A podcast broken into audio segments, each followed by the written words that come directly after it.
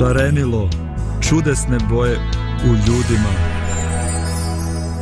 Dragi naši, pozdravljamo vas i danas iz studija, odnosno radija Pomirenje.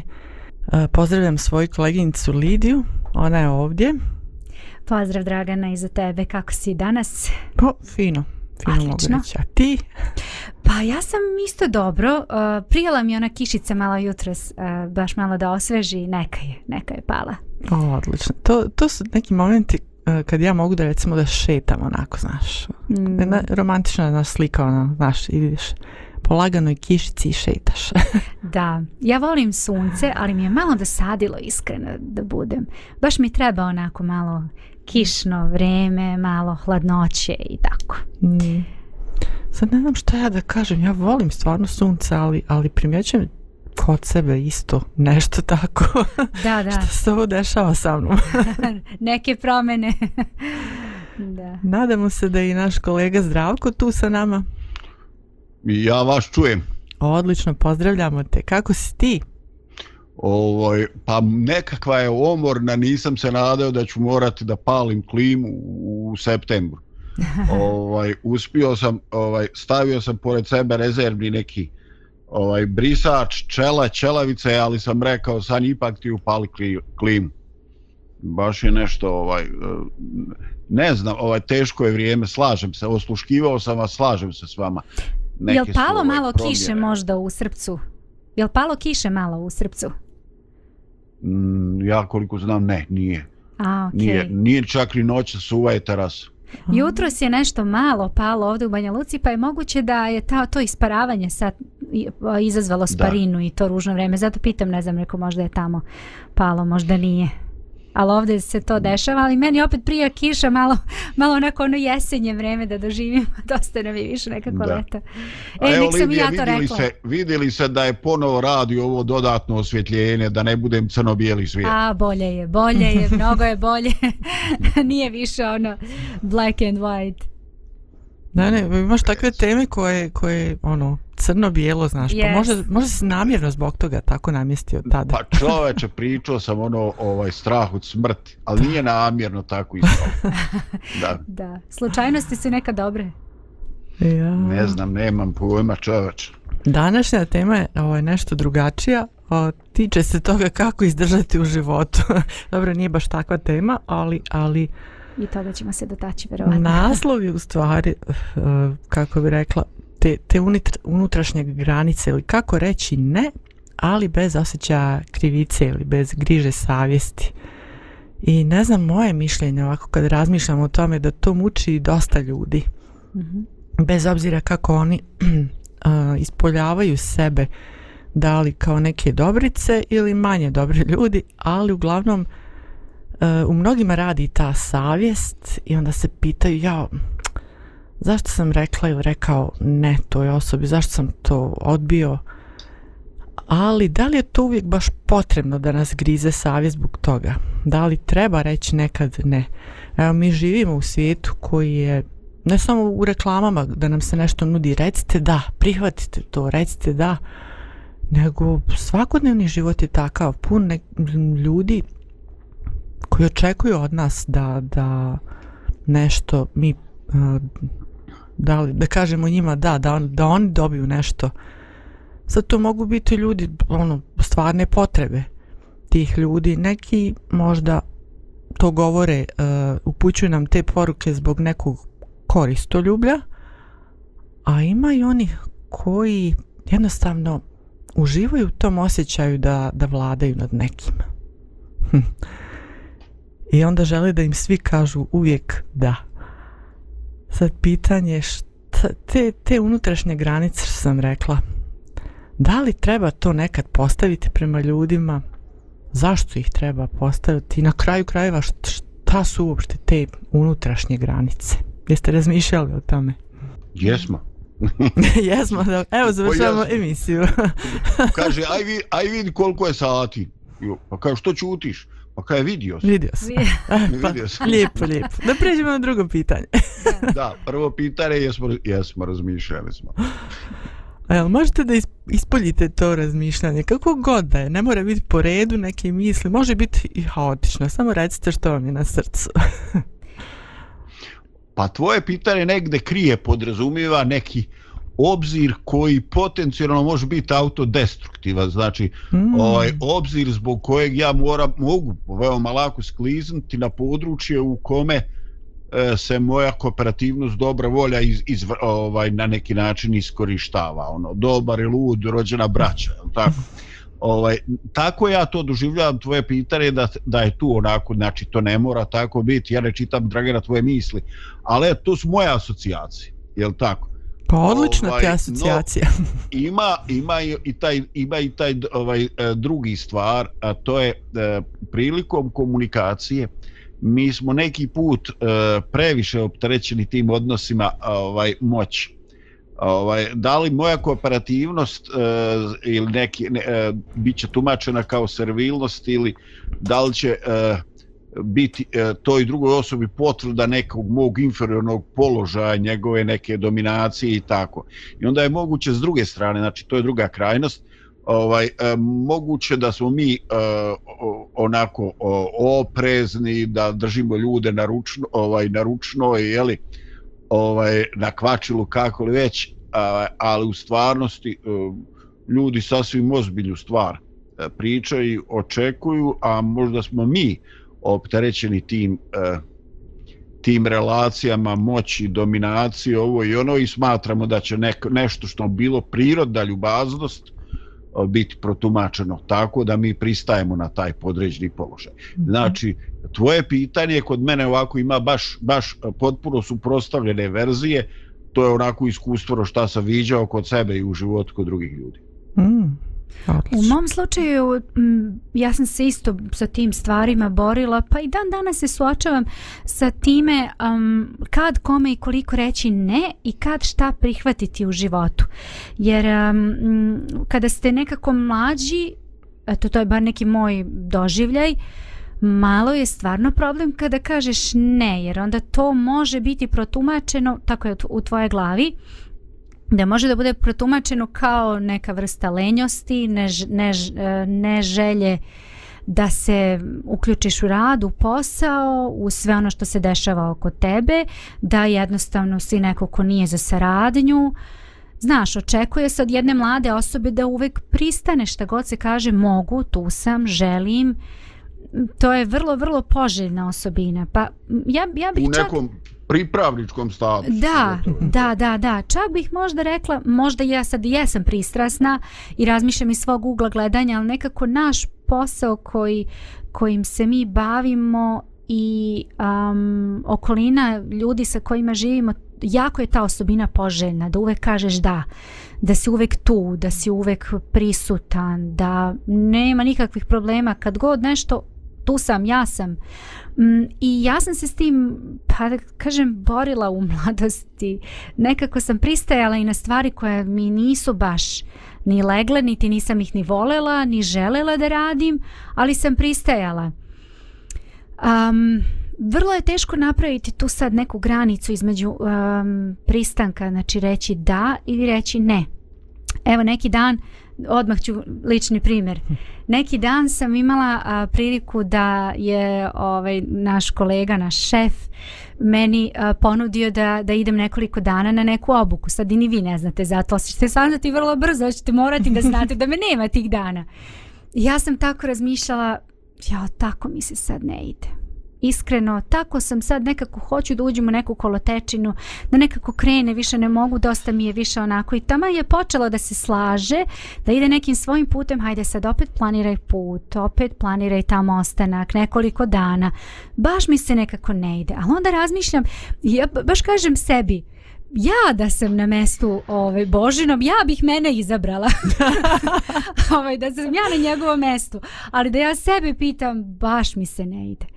I onda sam rekla, ovaj, idem zato što stvarno treba neko da ode i potrebno je da se ide, ali da mi se ide, ne ide mi se. I tu sam ja odlučila da kažem da, jer smatram da je potreba da to uradim. Mm. Drugi primer koji sam imala pre nekih desetak, 15 dana možda, spremala sam se isto tako na jedan put i tamo sam već bila zadužena da neke stvari ovaj radim tamo vezano za muziku, šta bih ja inače, jel? ovaj, bila sam zadužena za muziku, a onda me jedna druga osoba također pitala za nešto drugo vezano za muziku na tom sastanku. Ja sam rekla, pa okej, okay, mogu ja, ali ja znam da tu ima još neko ko bi to mogo da uradi bez ikakvih problema. I onda sam rekla, ovaj, možda bi mogao neko drugi, ja sam angažovana za, za neke druge stvari, ali ako nema nikoga, tu sam, nije to problem, nije to ništa bilo nešto veliko i tako. Tako da sam rekla, možda je to neka, neka druga osoba to obavi. Ali posle mi iskreno malo grizla savest. Pa kažem, pa šta je to, to je bila sitnica. Ali nikakvih problema nije bilo, znači ta osoba je našla drugu osobu i posle smo se videla i pričali, kažemo, nema problema, ja sam nekog drugog našla i sve je u redu. Ali tu napraviti neki balans nije uvek lako. Mm, da, da, da, baš o tim borbama ovaj, govorim. Kako, da li uopšte reći ne, kada treba, kada ne treba. To su, to su problemi koji muče ne samo mlađe ljude, da kažem, kao steknemo zrelost, pa onda znamo godinama gdje je crno, gdje je bijelo. Ne, ne, ne, vraćaju se razne iskušenja i um, nije to baš uvijek lako. Ovaj, a ovo što se tiče tih unutrašnjih granica, znači kako postaviti te granice i šta su one ne znam ovaj ko je rekao ali nešto u vezi uh, tih unutrašnjih granica jeste da uh, je važno znači te granice su u stvari gdje tvoja ličnost uh, uh, gdje uh, tuđa ličnost zapravo završava a gdje tvoja ličnost počinje hmm. Ha, hoćemo li saznati u životu gdje naša ličnost u stvari počinje? Ali nije, nije to tako ni nemoguće, a vidjet ćete to u emisiji, ovaj, samo ostanite malo sa nama. Sada ćemo da napravimo jednu muzičku pauzu pa se ponovo vraćamo na ovu korisnu temu.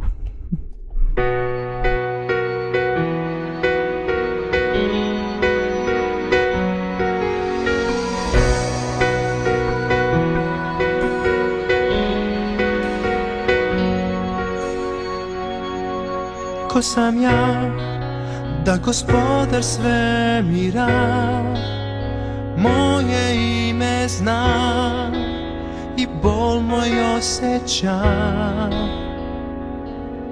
ko sam ja da zvezda jutarnja osvetljava moj put i prepreke uklanjam Ne zbog toga ko sam ja Već zbog toga što činiš ti Ne zbog mojih uspeha Već zbog toga ko si ti Ja sam cvjećna bez ovene Danas tu, a sutra ne Talas kojeg vetar nosi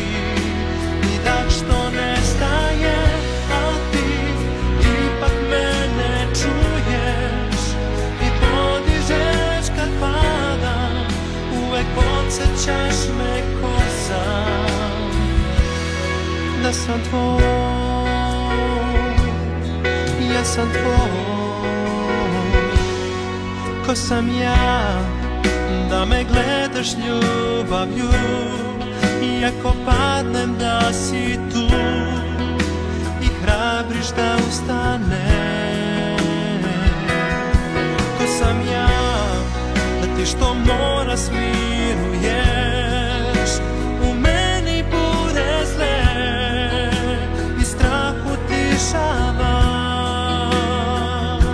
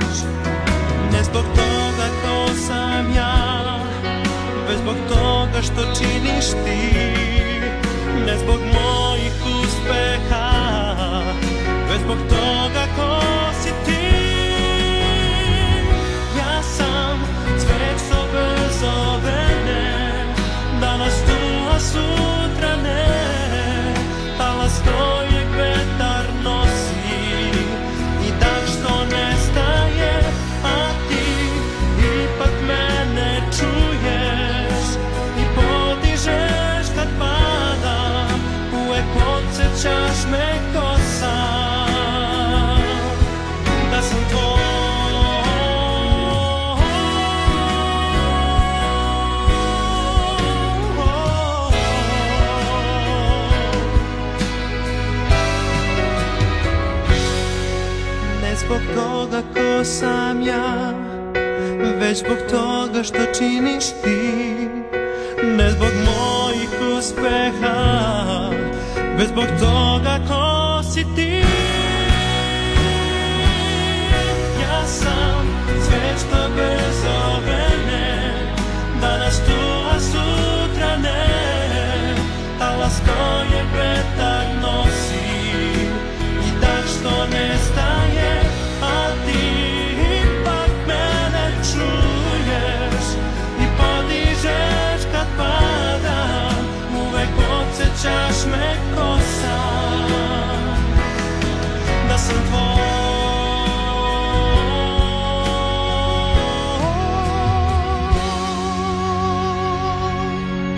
伤痛，也伤痛。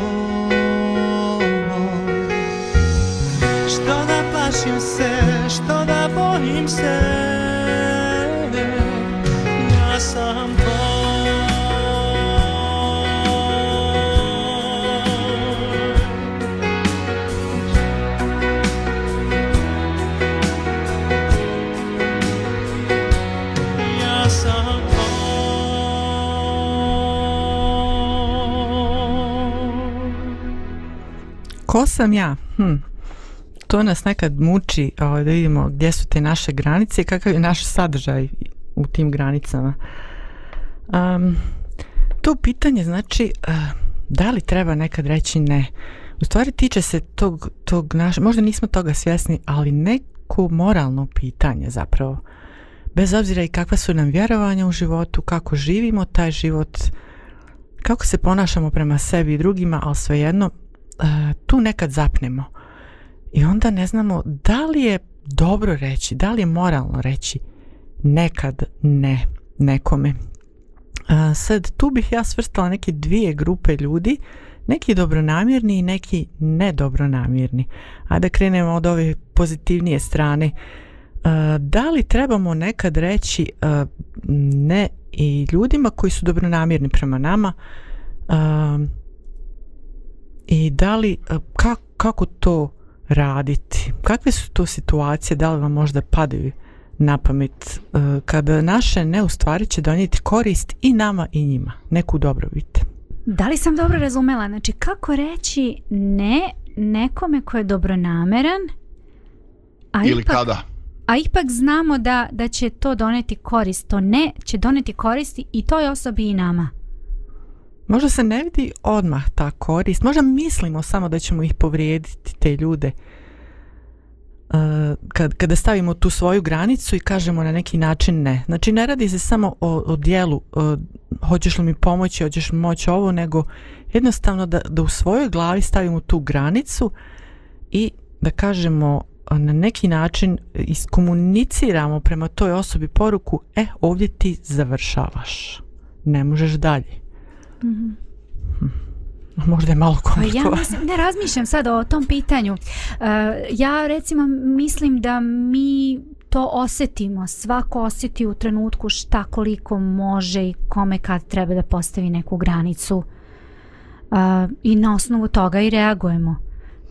Ne znam, šta ja znam, razmišljam da li sad postoji neko pravilo koje bi recimo eto moglo da bude od pomoći našim slušalcima i gledalcima kad, šta i koliko, ali mislim da mi to osjetimo i da trebamo da sagledamo iz, iz perspektive svoje, ali sagledaš iz perspektive tog nekog opšteg pogleda ili pogleda možda te druge osobe koja je u odnosu sa nama i onda tako odlučiti. Ne znam kako bi mm. drugačije. Možda Zdravko ima neku bolju ideju.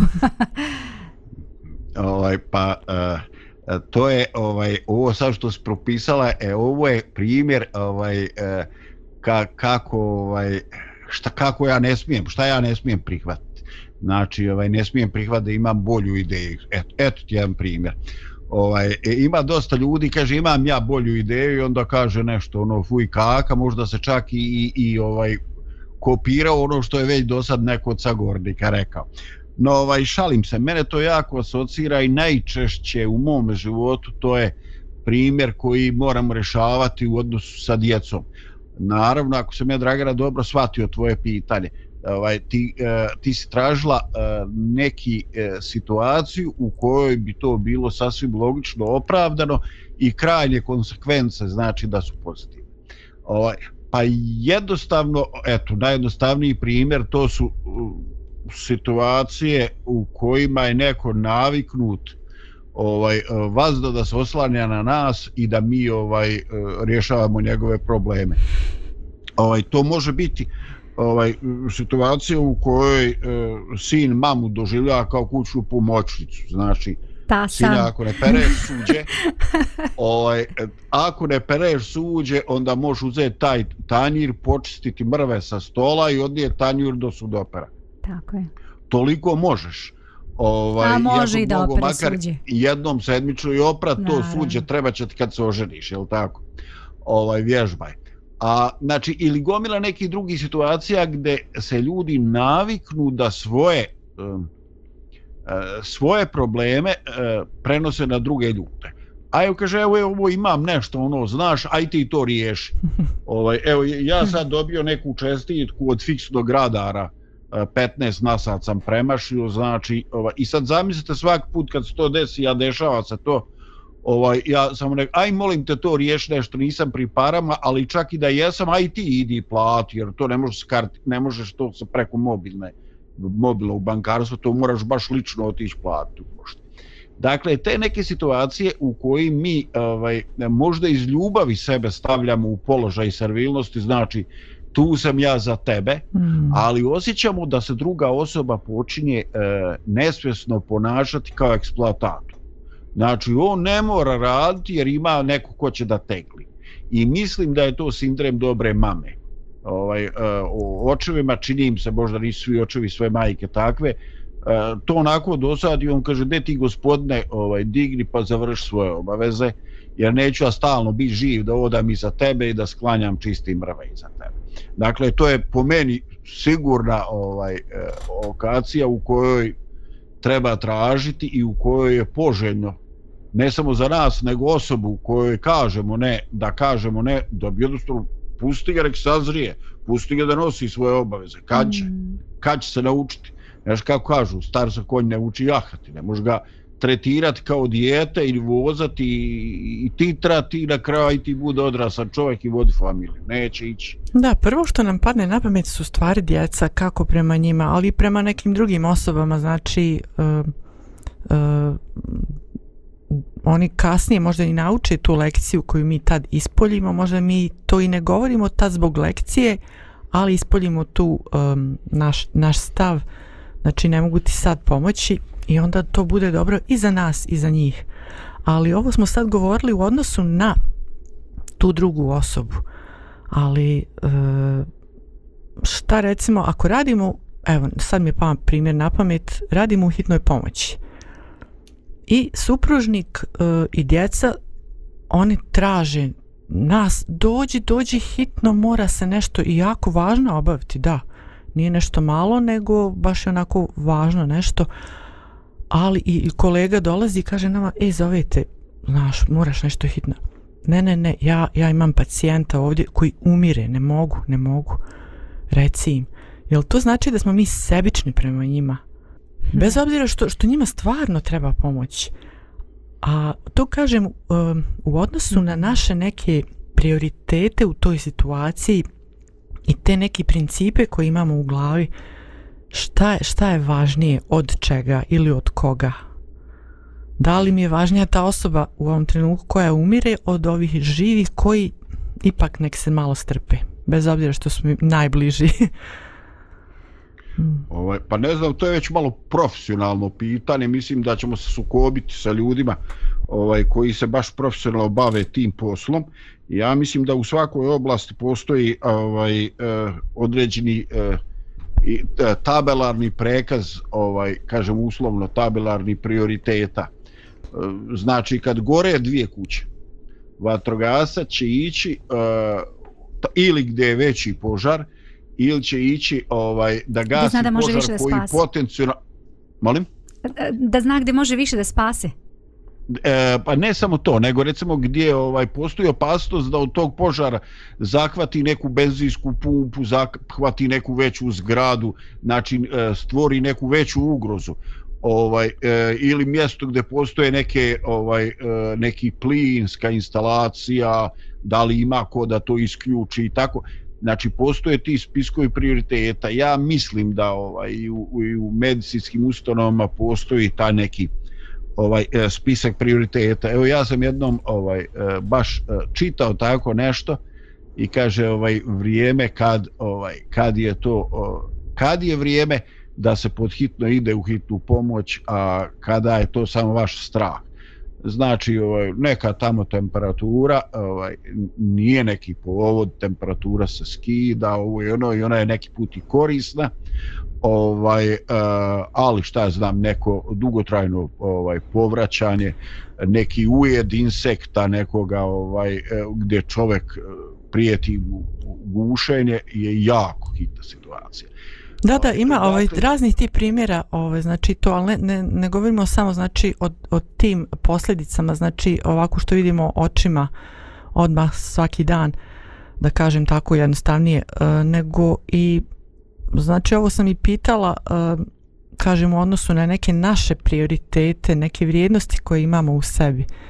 Znači, ovaj, upotrebila sam taj izraz, baš u porodici taj primjer, uh, jer me to podsjetilo na jedan uh, davni događaj ako smo znači u, u dilemi da li je to moralno ili nije evo ja ću vam dati primjer još jedne osobe koju su isto zvali iz porodice on je uh, radio to što je radio baš zašto je bio i pozvan zašto je i rođen tu na zemlji u tom obliku znači radi se o Isusu on je poučavao ljude i onda su mu rekli uh, E, zovete majka i braća da izađeš i on pita ko su moji majka i braća? I on je nastavio da radi to što radi, znači da, da objavljuje ljudima e, Boga, da im priča o njemu, da im objašnjava uh, radi njihovog dobra. I on nije bio sebičan u tom trenutku prema svojoj majci, svojoj braći i on je sam objasnio ko su moja majka i braća, pa svi oni koji uh, koji um, traže dobro, koji traže Boga, a bez obzira da, da li su mi to porodica ili ne, možemo neku u porodici biti zao i jednostavno to je tako. I on je postupio uh, prema tim svojim uh, vrijednostima unutrašnjim. Naravno njima to nije bilo ništa hitno, bili su živi zdravi kad je on izašao i susreo se s njima i sve je bilo u redu. Uh, ili postupio je recimo kada je bila gomila ljudi u potrebi e, oko njega, on je jednostavno otišao, povukao se, u, ušao u čamac i otišao na drugu stranu, na drugu obalu da se odmori. Jednostavno, mi nekad moramo reći ne ljudima zato što mi trošimo te svoje baterije i to nas uništava. Možda ne primjećujemo, možda mi to radimo iz dobrih namjera, ali, ali, to veliko ali. A pogotovo kada su u pitanju recimo toksični ljudi. Neki žive sa toksičnim osobama i trpe svašta. Možda i susrećemo na radnim mjestima ili bilo gdje, znači kuda se krećemo. I to često. Mislim Ka? da je jako važno Kaži. da razvijamo u sebi taj zdrav stav o sebi i o drugima naravno, ali da napravimo zaista zdrav balans kad je to u pitanju. Um, opet, znaš, kad, kad samo pomislim na jedan tas vage, onda mi zvuči tako loše, pa onda pomislim na drugi tas vage, jednako mi loše zvuči. I onda uh, mislim da u tim situacijama m, m, m, trebamo poslušati taj neki svoj osjećaj. Možda ni to nije baš uvek najbolje, ali trebamo znati šta, kad i koliko u određenoj situaciji. Mm, recimo, evo reći opet svoj primjer. Neki dan um, je Bojana jako supruga mog, jako je bolela kičma i to traje već možda desetak dana i on se čuo sa jednim doktorom i treba da ode kod njega. Međutim, ima je sad ponovo put, znači jedno četiri, pet dana. Ja kažem, dobro razmisli hoćeš li ići na taj put ili ne. On je stvarno trebao da bude tamo prisutan, ali ja sam mu rekla, napravi prioritete, šta ti misliš, hoćeš li moći da to izdržiš ili nećeš moći. Jer to je sedenje u autu 4-5 sati, sedenje tamo na sastancima čitav dan i onda konstantno tako sa tim bolovima.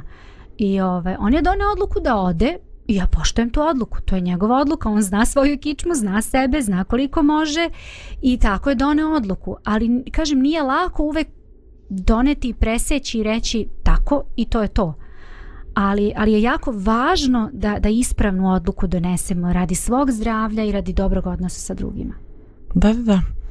I ono što je još, ba, onako kako ja to vidim, ovaj, e, što još je negdje, meni na prvom mjestu, znači, uh, ne samo kažem te uh, praktične posl posljedice da tako to nazovem praktične posljedice nego jednostavno kako će se moja ličnost razvijati dalje u vremenu ako ja stalno budem govorila da da da da da i, i, i nekako budem savijala svoju kičmu prema svakoj osobi koja se na određen način ponaša prema meni bilo dobro, bilo loše bez obzira kakvi su motivi uh, ali šta će se dalje dešavati sa mnom ako ne kažem mhm. nekad ne mhm. sad ovdje su granice zato sam postavila pitanje ovo o, u vezi sa tokči, toksičnim ljudima jer oni dosta znaju da manipulišu drugima sad se nekad lijepo ponašaju pa onda ružno pa se nekad e, taj njihov spektar uh, reagovanja na, na naše uh,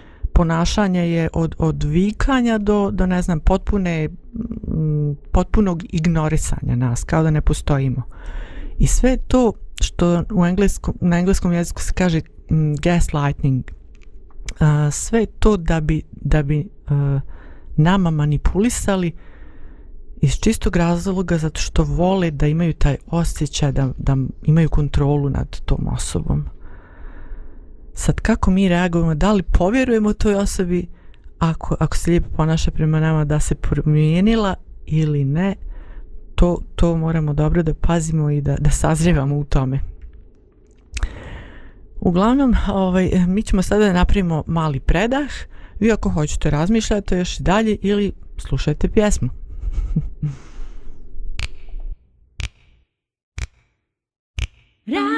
Radio. Media Boy.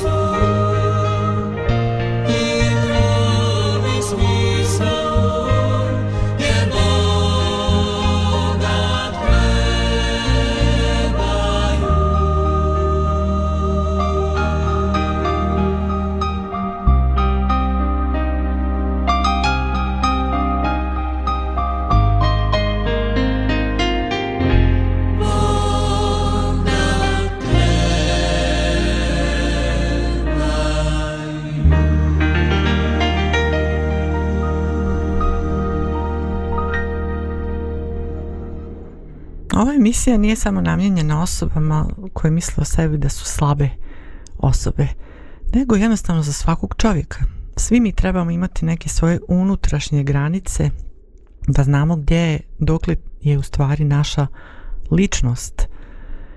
Da se ne bi miješali sa, sa vrijednostima drugih ljudi, da ne bismo prihvatali nepotrebno te pogrešne možda neke vrijednosti koje drugi ljudi imaju – nekad e, bez obzira koliko želimo da, da te naše granice prema drugima budu čvrste e, možda one ta čestina traje u prvo vrijeme znači e, na početku samom ali onda kao da se raspadnu te granice ili pojave se neke druge drugi problemi šta vi mislite kolege šta su, šta su uzraci recimo što naše granice te unutrašnje ne funkcionišu? Pa nekad nam je lakše da kažemo da, nego da odbijemo. To je jedan od razloga. Rekla Lidija, bih. ti se držiš onoga, ovaj, lakše mi je da ustanem, da uradim, negdje da te objasnim šta treba. Yes. Ali čuj, ima ono, znaš, bolje da naučiš nekoga da peca, a ne stalno da mu daješ, donosiš ribu. Nauči da. ga, brate, da peca, da, pa će i on. opet mamin sindrom, ono, aj, aj, dok ja objasnim, pa ovo, pa dok idem, pa popravljam pa lakše. Pa I da, definitivno to nije dobar, to nije ovaj dobar put. Ovaj, Pa ne znam, ovaj, e, ja ovaj, pokušavam da se vratim, nadam se da te nisam baš ovaj, o, o, o, prekinuo baš u sred misli. Samo izvoli. Ali ovaj, e, ja, e, zašto naše granice ne funkcionišu? Ovaj, pa jedan razlog je određena bolećivost prema drugoj osobi. Dakle, mi smo popustljivi zato što na neki način uh, ovaj, ipak nam je više stalo do te osobe nego što možda hoćemo to da priznamo. Ovaj, a drugi razlog može biti da, da je to inače problematika koja je u našem životu stavili smo je negdje na neki pijedestal i to nam je jako važno i možda i više nego što je to realno tako. Ovaj, e, ne znam kako godine prolaze, ja ulazim u neku fazu e, da a, ako, ako su odnosi komplikovani, znači ako imaju takvu tendenciju, ako se ne mogu postaviti jasna pravila igre, a, ovaj, jednom kad sam pričao s Lidijom, ona, a, ovaj, mislim da je to čovjek bilo u emisiji, ovaj nešto danas je ok, sutra ne može ni blizu ovo ovaj ako su odnosi komplikovani onda je možda najbolje svesti na onu nužnu elementarnu ovaj e, elementarnu ovaj, potrebu, možda poslovnu i tako. Jer ovaj e, trebalo bi da ljudi jedni druge identifikuju, da se prepoznaju, da zauzmu jasna stavove, da postave jasna pravila igre, da ne očekuju da druga strana pogađa, nego da se to kaže. Uh, i da obe strane to poštuju i tad nema, nema problema. Mm. Ali ako se kriterijumi mijenjaju, ako su odnosi komplikovani, onda ih je najbolje ovaj, redukovati u cilju izbjegavanja tih nekih bilo unutrašnjih, bilo interpersonalnih komplikacija i sukoba, jer ovaj ne moram ja reagovati, ne moram se niki čim ovaj, posvađati ali ako mi skoči pritisak ili šećer, ono, ljudi moji, to puno košta, razumiješ? Mm -hmm. da? Dakle, ako opazimo da je neka situacija ovaj, takva, ovaj, onda je bolje te odnose redukovati. U mladosti to nekako čovjek bolje trpi, ali kako godine prolaze, ovaj, ima sve manje, sve manje spremno za to. Pa ne znam, sad razmišljam o tome što govoriš i to je onako ljudski da, da se tako nekako odreaguje, ali šta je sa onim da trebamo sa svima biti u nekim dobrim odnosima, da ostvarujemo dobre odnose, da, da razgovaramo sa drugim ljudima, da izrazimo svoje stavove i da naučimo da prihvatamo druge ljude onakvi kakvi jesu. Šta ćemo sa time? Hvala. Mhm. Pa lijepo pitanje. Odlično, Ova... odlično. O tome se i radi u ovoj emisiji, bravo. Ti si iz ove priče, očito, da. Ovaj, e, pa pogledaj, e, s, ja sam potpuno siguran da je to nešto u što treba upotrebiti određenu energiju. A, razumiješ, ono, ali ako se, ako se e, ta neka konfliktnost e, ponavlja, a ako ti drugu osobu doživljavaš kao toksičnu ili, ili e, doživiš da tebe druga osoba doživljava kao toksičnu, ovaj eh, jedan put da, drugi put ne, onda ovaj onda to ovaj nije pitanje eh, spremnost. Znači spremnost je u neko e, razumljiva u eh, nekome e, procesu identifikacije problema, upoznavanja, razgovora o problemima. Znači, ovaj, smeta mi nešto, kaže mi da mi to smeta. Pa ne, ono, dođeš kući i kažeš, da, ovaj, aj molim te, ja ne mogu da te natiram da posoliš hranu, ali onda ne, a da ja ne bi svaki put gunđo, je ovo men neslano, onda ti posoli po svome, ali ostavi mi e, so na stolu. Razumeš? Ono? Mm. Znači, jednom to riješiš. Okej. Okay žena hoće voli da jede neslano, tebi treba malo više i ne možeš ti to, mislim, ona to, njeno nepce kaže da je dovoljno, a tvoje kaže da je nedovoljno. Sad ne, nećeš se ti des godina braka oko toga pričati. Ne, ka, e, može da ti ostaviš taj posudu za soda, ostaviš na stolu i da mi prestarimo priču o tom. Znači, ovaj, e, iako to može, to je super znači prihvatiš osobu takva kakva jest, postojiš pravilo igre, dogovoriš pravilo igre još bolje, ali ovaj a, eh, ako se ako se konfliktne situacije e, ponavljaju često, ovaj i ako se e, ponavljaju u formi nekog nerazumijevanja i ako vi kao osoba sad pitali ono Dragano ovaj granice moje ličnosti, ovaj i ako ti jednostavno osjetiš da da da si nesvaćen, uh, onda, ne, onda gubi želju da i gubi želju da strudiš da budeš svačan. Znači, hm. bolje, bolje ovaj, smanjiti tu komunikaciju nego stalno biti u nekom odbrambenom položaju. I kažem, ljudi moji, ovaj, neko je skoro rekao e, na, na nekoj Facebook grupi, uh, U životu je bitno šta jedeš, ali je još važnije šta jede tebe. Da, da, da. Dobro, oboje ste na odličnom putu, baš to, o tome se i radi ovdje, znači, ta srž em, emisije je u stvari u tome, znači, čemu služe te unutrašnje granice, zašto, zašto da ih uopšte podižem? I onda uh, razlog, jedan od razloga, zašto ne funkcionišu te moje granice, zaš, zato što ih postavljam iz pogrešnog razloga recimo mm. želim da da ne znam možda promijenim tu drugu neku osobu koja se ne ponaša dobro prema meni ili uglavnom e, fokusiram se na ponašanje te osobe umjesto da shvatim da te granice u stvari postoje radi mene jesu to moje unutrašnje granice bogom dane to je nešto normalno i moralno i neophodno čovjeku jer će, jer će jednostavno nestati kao ličnost mm i učinit će se štetu i sebi i drugima. Znači, te granice služe da zaštite mene. I kad se ja, kad ja shvatim da sam zaštićena, da imam svoj integritet, identitet i integritet, ovaj, onda sam ja drugačija i prema ljudima. Znači, bez obzira što se oni dalje ponašaju uh, grozno prema meni, što žele da me muče, što žele da manipulišu, ja imam drugačiji odnos prema njima. I to je to je jako važno. A to ti si spomenuo to tu bolećivost prema drugima, to nas nekad baš onako prema osobe s kojima smo bliski, znači to nas isto može uništiti nakon nekog vremena. Ja ovdje govorim znači o dužim periodima, ne govorim o nekim situacijama koje su jednokratne. Neko me uvrijedi jednom i gotovo ja sam prema njima uh, ovaj, nego ono što se duže dešava u našim životima. Isto tako, ovaj, imi, um, ne zavisi to znači samo od drugih osoba kako se one ponašaju prema nama, nego i mi prema njima. Ja mogu preuzeti tu svoju, ne znam, ulogu žrtve i onda ko se god ponaša prema meni zlo, e, ta osoba ne valja, ne valja i onda te moje granice su nekako ekstremne.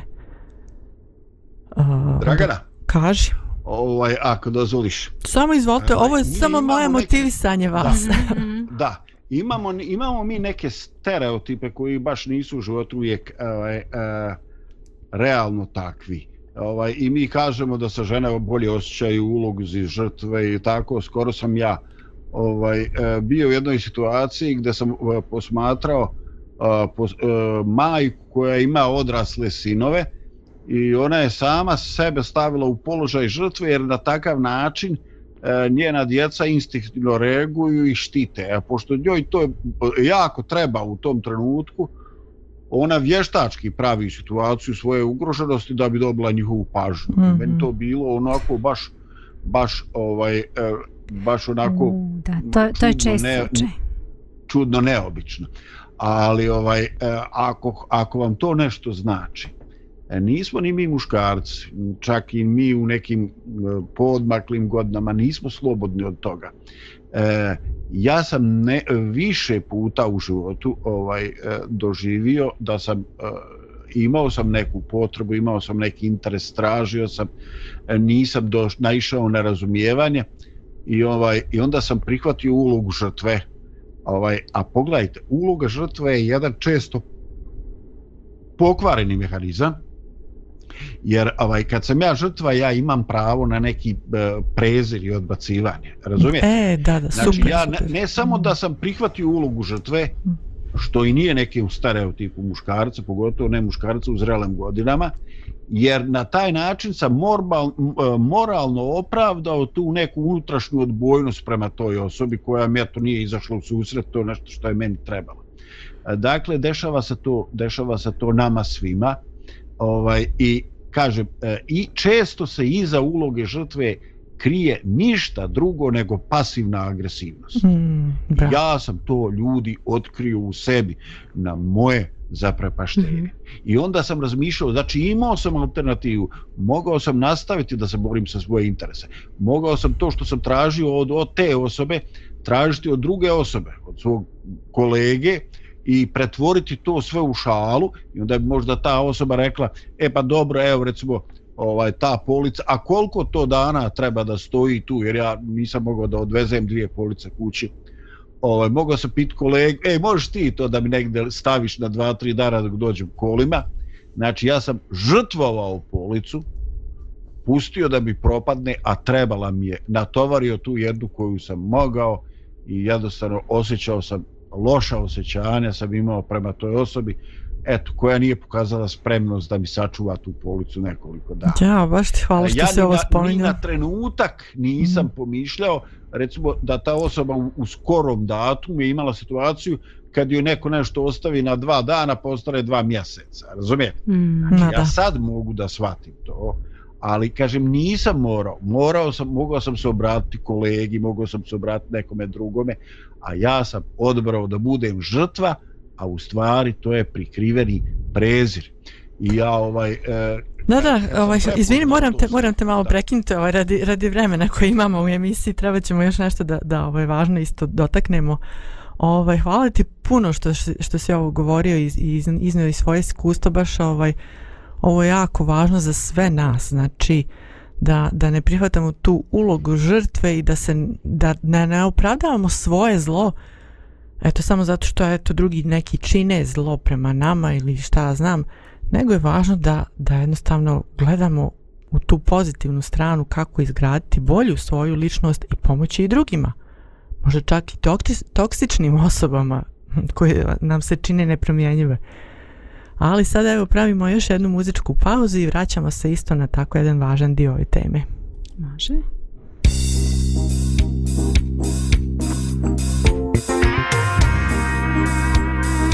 Radio Pomirenje.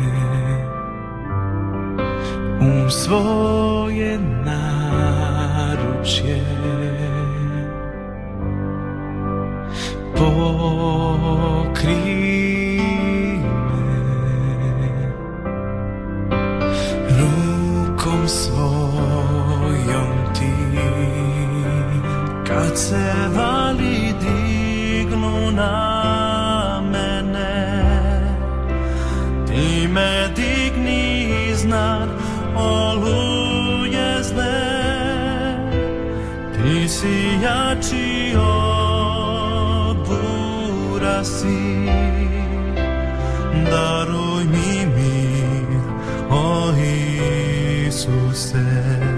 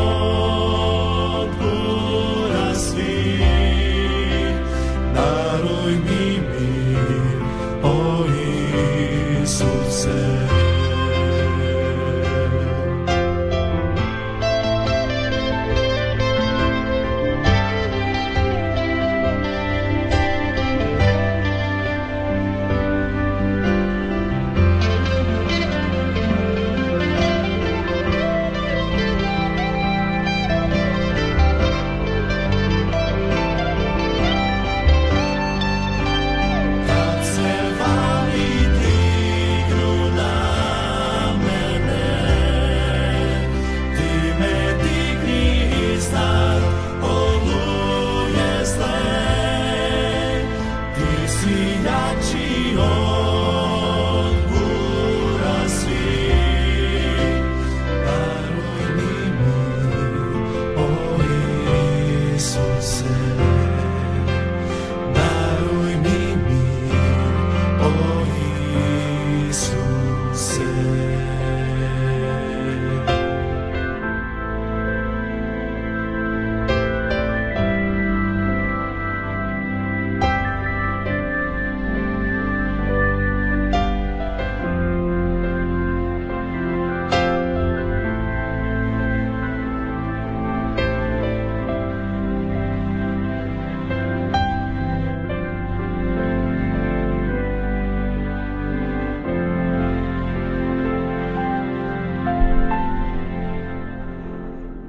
Nadamo se da su neki ostali sa nama da gledaju i slušaju ovu emisiju. Jeste malo i teža tema, ali nadamo se da vam mnogo znači. Jer mislimo da u stvari da, da je to vezano sa svakim čovjekom. Jer svako od nas je uh, e, one koji, koji ima svoju ličnost, naravno.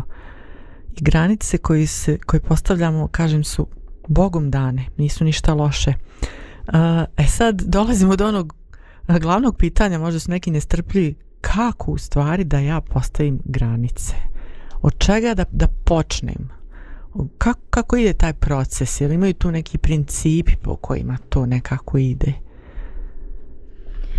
Pa evo ja, ja bih kaži? rekla na kraju ono što sam i na početku rekla da e, ne mislim da postoje neka striktna pravila šta i kako je. E, trebamo biti svesni sebe, e, svojih mogućnosti, da budemo svesni svojih ograničenja isto tako i na osnovu toga onda u određenoj situaciji donosimo određene zaključke. Mi se ljudi i menjamo, možda nekad postavimo granicu za jednu stvar, za tu istu stvar sutra ne postavimo granicu jer osjetimo da to možemo i da je to sasvim u redu. Tako da mislim da trebamo, onako, ako sad trebam neko pravilo postaviti, pravilo je pomoli se Bogu. Neka ti Bog pomogne da odlučiš u toku dana, ne znaš sa čime ćeš se suočiti, ali da u određenoj konkretnoj situaciji možeš da postaviš granicu ili prihvatiti nešto jer je to stvarno potrebno ili možda odbiti zato što je to dobro i za tebe i za druge ljude. Mm, super. Zdravko, šta ti misliš? Podpisujem ovo što je rekla Lidija. Kratko i jasno, jel? Mhm. Mm Um, da, tu ono šta, šta da me vodi, kako da krenem u tom procesu, šta, dobro si rekla ovo, pomoli se Bogu. Um, i, I vidi u stvari ko si ti, kako je tvoja lično, šta voliš, šta ne voliš, e, kakve su tvoje strasti, šta te nervira, kakve su tvoje uopšte vrijednosti sad trenutne i to će ti mnogo pomoći uh, da vidiš u stvari dok li ide ta tvoja ličnost jer po tome se u stvari razlikuješ od bilo koje druge osobe vidiš u stvari po tome gdje su te granice bi, sa bilo kojom drugom osobom um, isto tako prihvati tu svoju odgovornost to smo već govorili znači um, nemoj se saginjati pred drugim samo zato što ti je to žao te osobe uh, nego prihvati te svoje odgovornosti koje trebaš da, da imaš. Uh, ne, nemoj se odricati svojih pravih vrijednosti samo zato je to što drugi očekuju to od tebe. Ili da bi dobio možda odobravanje od te druge osobe. Svi mi volimo da smo voljeni, ali um, da, li, da li uvijek trebamo da, pod navodnicima prodati svoju dušu da bismo dobili nečije odobravanje, ili ono što mi zamišljamo da je, da je ljubav. Na kraju bi pročitala, ne znam koliko još imamo vremena, stih iz psalma koji nas u stvari teši i uvjerava i ohrabruje. I kaže e, psalmista David, jer si ti stvorio što je u meni, sastavio si me u utrobi matere moje, hvalim te što sam divno sazdan, divna su dijela tvoja i duša moja to zna dobro. Hvala. Nijedna se kost moja nije sakrila od tebe, ako i jesam sazdan tajno, otkajan u dubini zemaljskoj. Zametak moj vidješe oči tvoje, u knjizi je tvoje sve to zapisano i dani zabilježeni kad ih još nije bilo nijednoga. Bog nas vidi uvijek, nemojmo se brinuti i ako smo žrtva, nemojmo se brinuti uh, kakva će biti naša budućnost ako se njemu predamo u ruke. Dragi naši, Slušamo se i vidimo se uskoro. Thank you.